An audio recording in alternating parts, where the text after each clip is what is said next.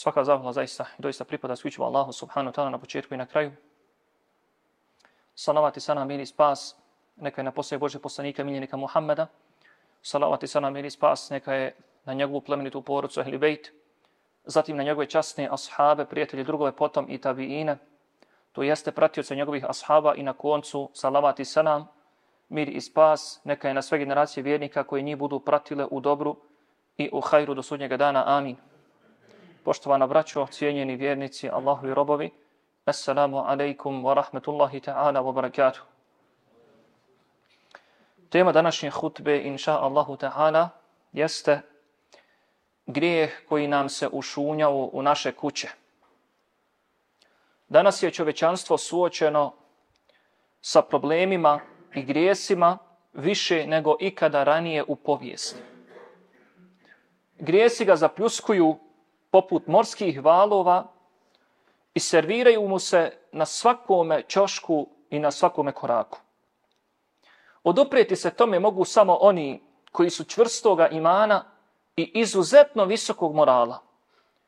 Međutim, i takvi, ako ih ne dotakne vatra grijeha, osjetit će makar miris njenog dima. Posebno je ova naša mlada generacija omladine naše djece, mlađe braće i tako dalje, izložena raznovrsnim kušnjama, pa nam je obaveza učiniti sve što je u našoj moći da ih zaštitimo, a i sebe zajedno sa njima.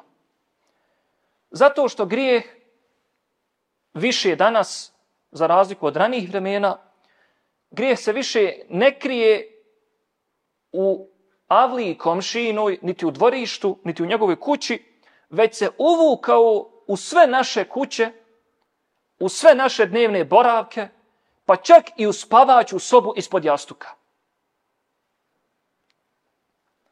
Taj potencijalni grijeh prvi se zove laptop ili kompjuter, kojeg se lahkoćom možemo da odnesemo i ponesemo diljem cijelog svijeta u koji god prostoriju hoćemo, u koji god objekat hoćemo i tako dalje. Drugi potencijalni grijeh koji se ugnjezdio ispod naših jastuka na kojima spavamo i koji je uvijek sa nama, odnosno uz nas u džepu, a to je mobilni telefon. Modernom čovjeku je maltene nezamisliv život bez tih uređaja, koji istovremeno imaju izuzetno korisnu i izuzetno štetnu svrhu upotrebe. Nije bilo tako davno kada su se svi stanovnici sela okupljali u jednoj kući da gledaju boks Muhameda Alija. Na večer u dva, u tri. To nije bilo prije stotinu, 150 godina. To je bilo nedavno. Kompletno selo se okupi kod jednog čovjeka koji je imao jedini TV u selu da gledaju Muhameda Alija. Nakon toga dođoše TV uređaju u boji, pa video rekorderi, pa video kasete, a danas, boga mi, i ultra LCD, pa 2K, pa 4K i, boga mi, evo i 8K LCD televizore. I doista, to je sve tako na prvu fenomenalno. I tako šaltajući za raskod ranih vremena, okreći antenu tamo vamo, jedan, dva, tri kanala, mašala. Listajući danas stotine, hiljade kablovsko-digitalnih kanala, tražeći zanimljiv program, mnogi od nas svakodnevno gube, dan gube sate, sate i sate. Dok im ne dosadi. Kada im dosadi, onda prelaze za laptope. Pa kada dosadi za laptopom, onda ima tablet. Ima tablet. Dosadi za tabletom, onda imaju ovi smartphone, pametni telefoni.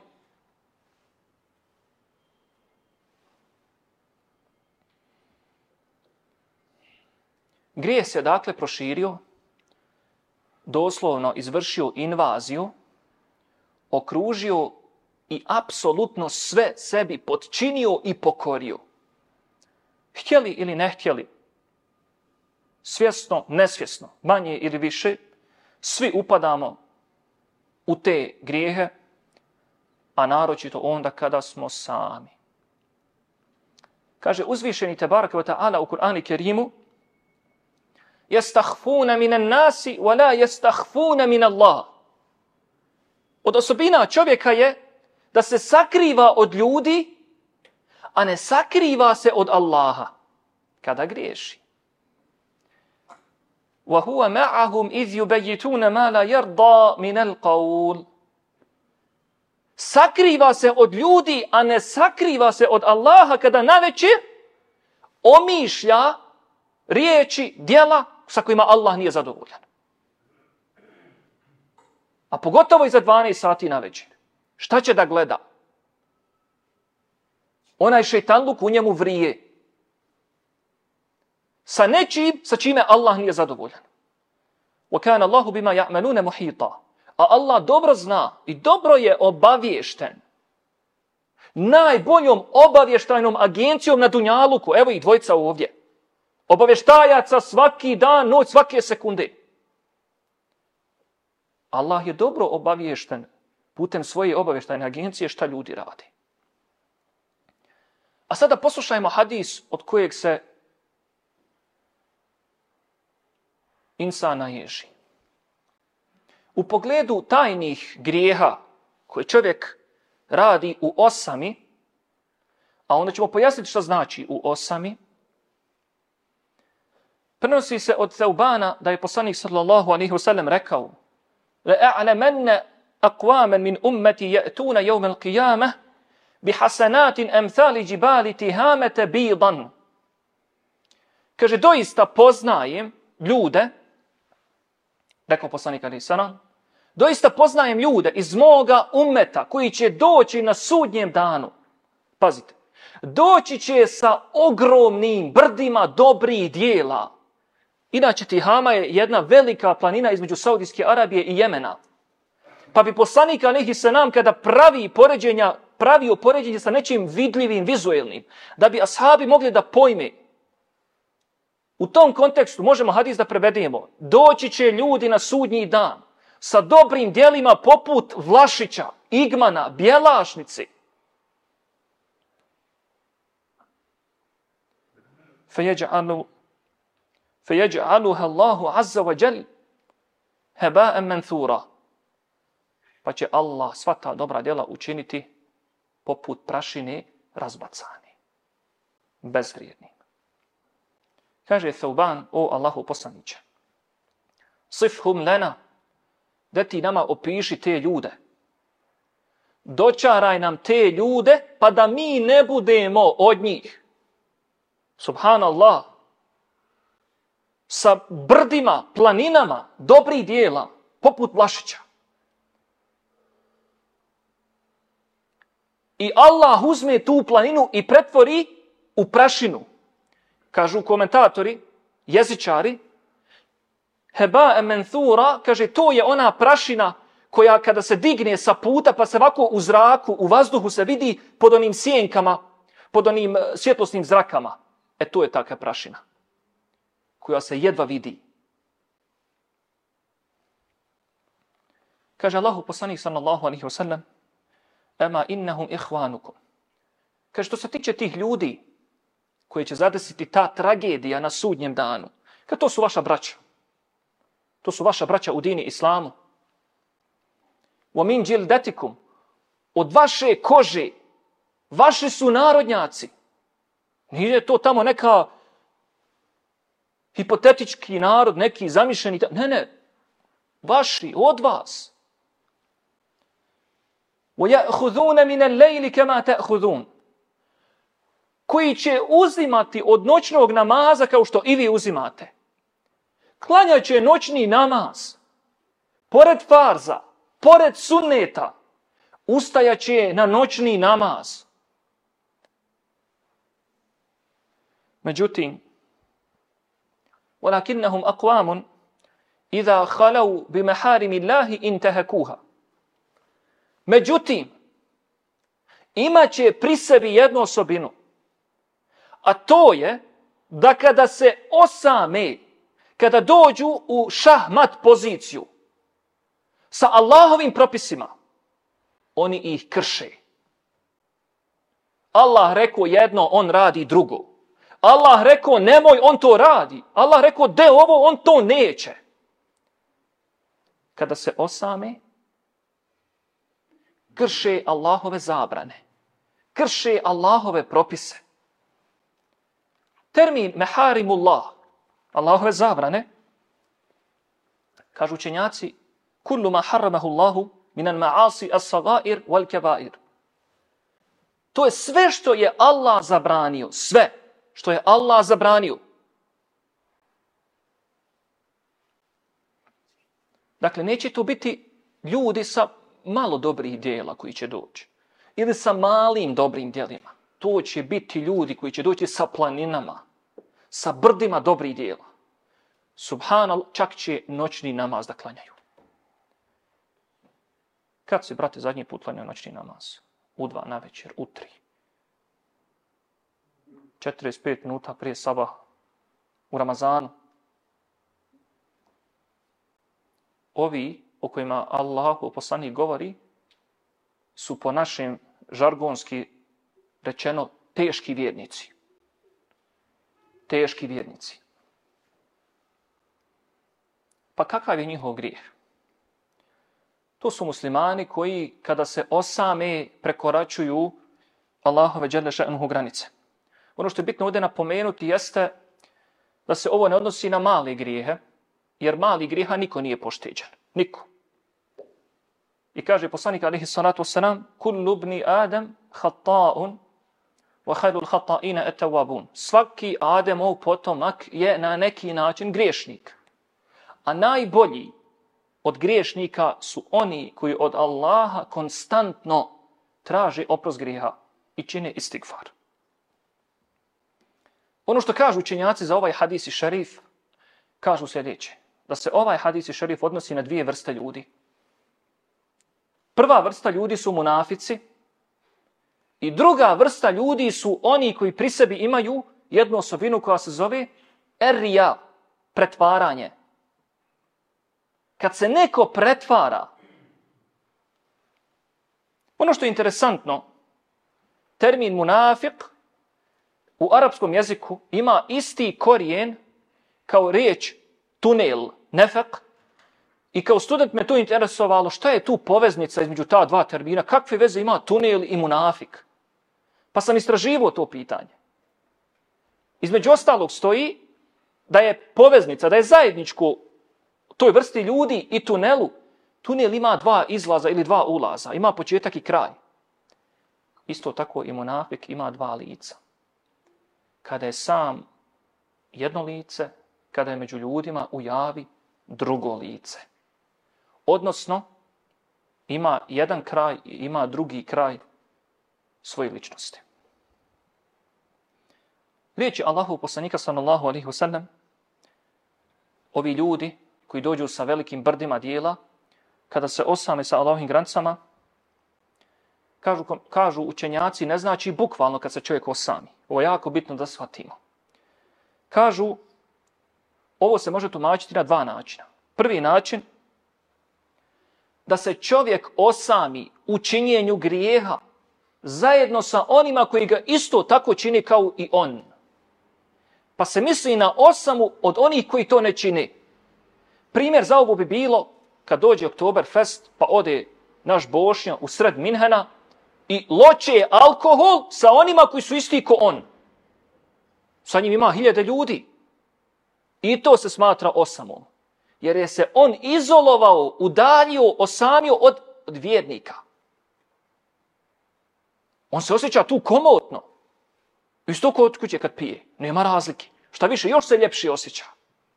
Čini grijeh zajedno s onima koji ga isto tako čini poput njega. Pa kažu učenjaci, i na takvog insana se odnosi I na takvog insana se odnosi ovaj hadis šarif. Drugo, drugo tumačenje kaže da se ovo osamljivanje odnosi na onoga ko u vanjštini pokazuje dobra djela i tako dalje, ali čim ugrabi priliku, on uradi haram. Čim se stvore uslovi, dakle, uslovi, okolnosti, mjesto, vrijeme i tako dalje, on, on prekrši Allahove granice. U jednim okolnostima ne krši Allahove granice, čim se promijeni okolnost ili vrijeme ili dan ili termin, on prekrši Allahove granice. Dakle, to kršenje granica ovisi od vremena, mjesta, okolnosti i tako dalje. Pa učenjaci kažu da ovaj hadis se između ostalog odnosi i na tu kategoriju ljudi. A pitanje i stvar oni koji krše te Allahove granice se vraća na dvije opcije. Prva opcija je da su to oni koji u osnovi smatraju da je to haram, ali, ali sami sebi ohalalili to kada ih niko ne vidi. Što je bukvalno, jeli, i sam taj postupak dokaz tome. Druga opcija je da insan je moguće da je toliko pretjeru u tome da je postao siguran da ga Allah neće kazniti zbog toga. Ali sljedeću hudbu ćemo govoriti dakle, o tome kako da se čovjek toga kutariše, inša Allah. Ta'ala. U tom kontekstu Sehla ibn Sa'da as-Sa'idi, se prenosi da je poslanik sallallahu alaihi sallam rekao u jednom hadisi šerifu kojeg bi bilo dobro da svi zapamtimo. Inna rajula la ja'manu amala ahli janna fima jebdu li nas wa huwa min ahli nar. Doista će čovjek raditi, kaže poslanik alaihi sallam, doista će čovjek raditi dijela koja rade stanovnici dženneta onako kako se ljudima čini, kako ljudi tumače i procenjuju, ono je dobar vjernik, ona je slab vjernik i tako dalje.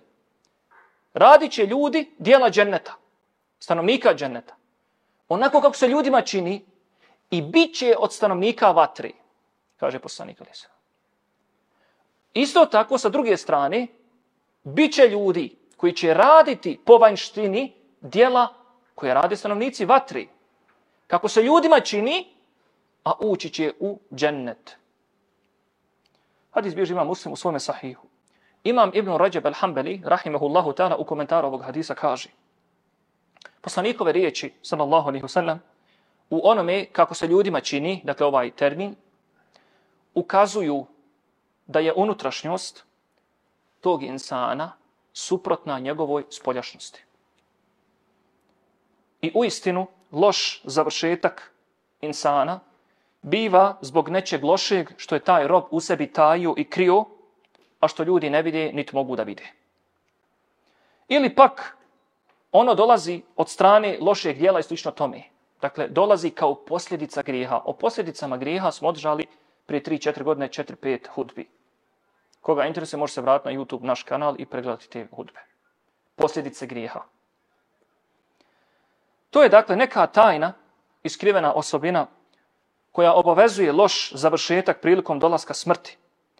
A isto tako čovjek može nekada činiti dijelo koje radi stanovnici vatre, jeli? a da u svojoj unutrašnjosti ima posijano sjeme dobra. Pa Allahovom dozvolom prevagne to dobro i čovjek da uđe, da uđe u dženet i da ima lijep završetak. Kao što je jasno iz ovog hadisi šerifa, poštovane cijenjena braću, apsolutno je nebitno šta ljudi o tebi misli. Šta ko priča. Ljudski, ljudsko tumačenje ljudi je nebitan faktor totalno. Totalno nebitan faktor. Ocjena čija je prolaza na kraju, to je Allahova ocjena. Šta Allah rekne. Šta ljudi pričaju. A ljudi se polomiše, pravdajući se ljudima, pretvarajući se zbog ljudi, dodvoravajući se ljudima, prilagođavaju se ljudima, uljepšavajući svoja dijela zbog ljudi. U jednoj interesantnoj hikjaji, predaji koju sam ljetos čuo na jednoj džumi, stoji kako jedan insan došao na noćni namaz u džamiju u trećoj trećini noći. I u toku namaza, sa iskrenim nijetom, naravno, i bio je sam u džamiji. U toku tog namaza čuo je otvaranje vratima i kako je neko sjeo u, u suprotan čošak džamije, ali čovjek u namazu normalno nije mogao da se okrene, da vidi ko je, šta je. Nastavio je da klanja, ali znajući da je neko ušao, pomislio je u sebi u toku namaza ko bi to mogo da bude u gluho doba, nego jedan tu učen insan iz tog mjesta. Pa je odužio namaz više nego što je bio prvobitno isplanirao. I uljepšao taj namaz. Kada je završio namaz i okrenuo se, ono cuko ušao. Zamislite te tuge i tragedije na sudnjem danu. Dolaziš u džamiju, uljepšavaš namaz zbog nekoga ko je tu, a on ne može ni sebi da pomogne. Kamo ti tebi? Kao što Cuko u ovom slučaju je, je li jedan slikovit primjer kako je to bezvrijedno i kako je to besmisleno.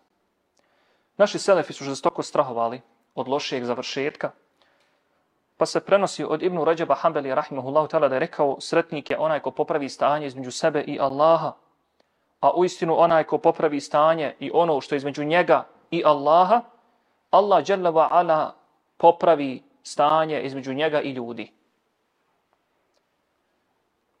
Ko bude tražio hvalu i pohvalu ljudi, srdeći Allaha, zasigurno će mu ta pohvala donijeti ukor i prezir. Kad tad? Kogod bude radio nešto radi ljudi, očekujući pohvalu ljudi, obit će mu se o glavu kad tad. To je božanski zakon na zemlji. Allahu sunnetullah na zemlji. Pokajaće se kad tad.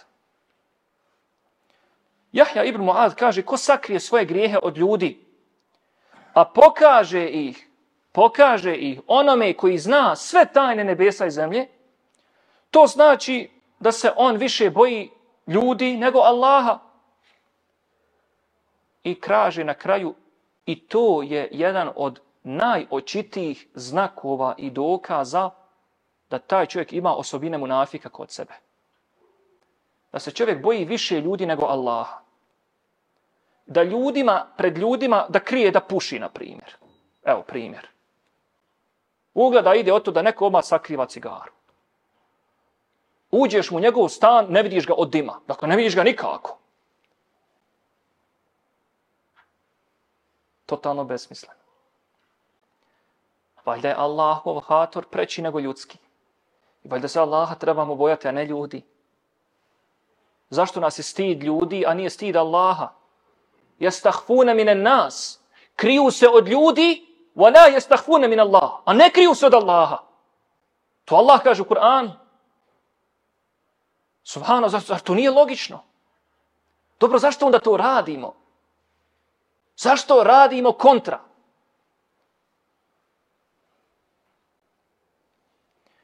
Neki od Selefa su također kazali, time ćemo završiti, zaista rob učini neki grijeh u onome što je između njega i Allaha džanava ana, zatim dođe svojoj braći, pa oni ugledaju tragove tog grijeha na njemu. Ugledaju, ugledaju posljedice grijeha. Neraspoložen, podočnjaci, namrgođen, ljud, negativan, negativan naboj, Nema pozitive, sve negativno, ništa ne valja. Kritik samo kritikuje i tako dalje i tako dalje. To su neke, neke od posljedica. Nikomu ne valja, ništa mu ne valja. To su neki od posljedica grija. Kaže dalje, ovo je jedan od najvećih dokaza, to, ti znakovi koji se na ljudima mogu uočiti. To je jedan od najvećih dokaza istinskog postojanja Allaha, Đelevala, koji nagrađuje koji nagrađuje za dobro djelo, makar bilo ko atom, na dunjaluku prije ahireta, a kod njega doista neće propasti djelo onoga koga uradi, niti mu može pomoći sakrivanje djela loše koje čovjek uradi od njegove moći. Iskoristimo sav naš kapacitet, da obratimo pažnju u što naše, naša djeca, omladina, provode vrijeme. Ovi TV-i, laptopi, tableti, kompjuteri, pametni telefon, iPhone koji ste nabavili djeci, pa se oni mašu sa njima, diće se sa njima. Pogledajte malo kakve gluposti objavljuju na Instagramu, na TikToku, kakve budalaštine, kakve bezobrazluke kakve gluposti. I ne samo da objavljuju. Onaj koji je prisutan na tim medijima, zna da tamo ne možeš biti in Dakle, ne možeš biti u tome, a da ne ispuniš kriterij. A kriterij je koji? Što veću glupost da objaviš, što veći bezobrazluk, inače nećeš biti prihvaćen. Nećeš imati puno pratilaca i tako dalje. Djeca vam imaju tajne profile po tim mrežama sa nepravim imenom, to je poznata stvar. Zato što znaju djeca da ovi stari od 400 kusur godina, da njih nema na Instagramu, nema ih na Snapchatu, nema ih na TikToku i tako dalje. I oni tamo po tajnim nikovima objavljuju svakakve gluposti, bez obrazluke, prate, sve prate ono što ne trebaju da prate.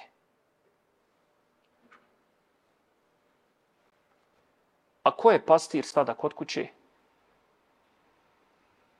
Svaki od braći, roditelja, je pastir i odgovarat će Allahu dželevana. Zašto si kupio taj telefon? Što si ga kupio? Ako si ga kupio, onda i odgovoran si. A da čovjek ne bi bio odgovoran kod Allaha, mora da prati djecu. I koliko je u njegovoj moći da učini, da se to smanji, spriječi, ne zloupotrebi i tako dalje. Šta trebaju rotelji uraditi, to vi bolje znate od mene.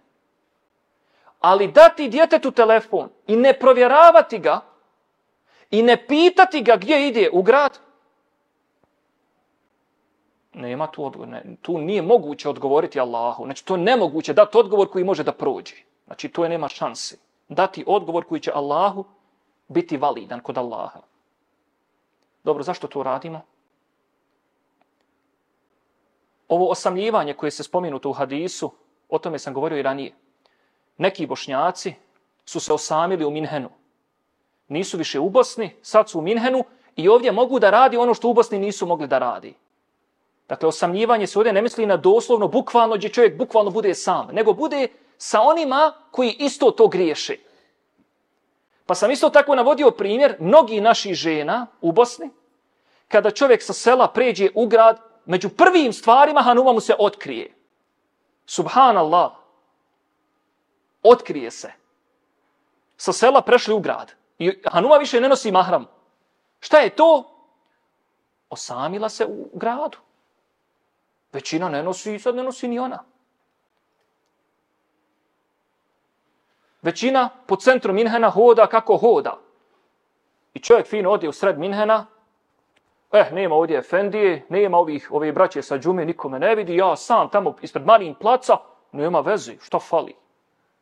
I to je osamljivanje. Ili ima djecu, pa pusti djevojku sa momkom da hodaju po gradu, nisu, kaže, sami. Ne, ne, ne, ne. Momak i djevojka koji se osami bez mahrema njezinog, to je osama po šerijatskoj terminologiji, ne bukvalno, ne bukvalno doslovno, nego po šerijatu Djevojka i momak koji izađu u grad, da šetaju, pa makar milion ljudi pored njih bilo, oni su se šerijatski osamili. Molim Allaha da nam podari korisno znanje, da nam podari uputu, da nam podari ustrajnost na uputi, da nas sačuva od grijeha, da nam podari znanje koje će nam koristiti, da nas sačuva znanja od kojega neće i nema koristi. Amin ja rabbel alamin. بارك الله لي ولكم في القرآن العظيم ونفعني الله وإياكم بما فيه من الآيات والذكر الحكيم. أقول قولي هذا وأستغفر الله لي ولكم فاستغفروه. إنه هو الغفور الرحيم. واذكروا الله يذكركم واشكروه على نعمه يزدكم. ولذكر الله أكبر والله يعلم ما تصنعون.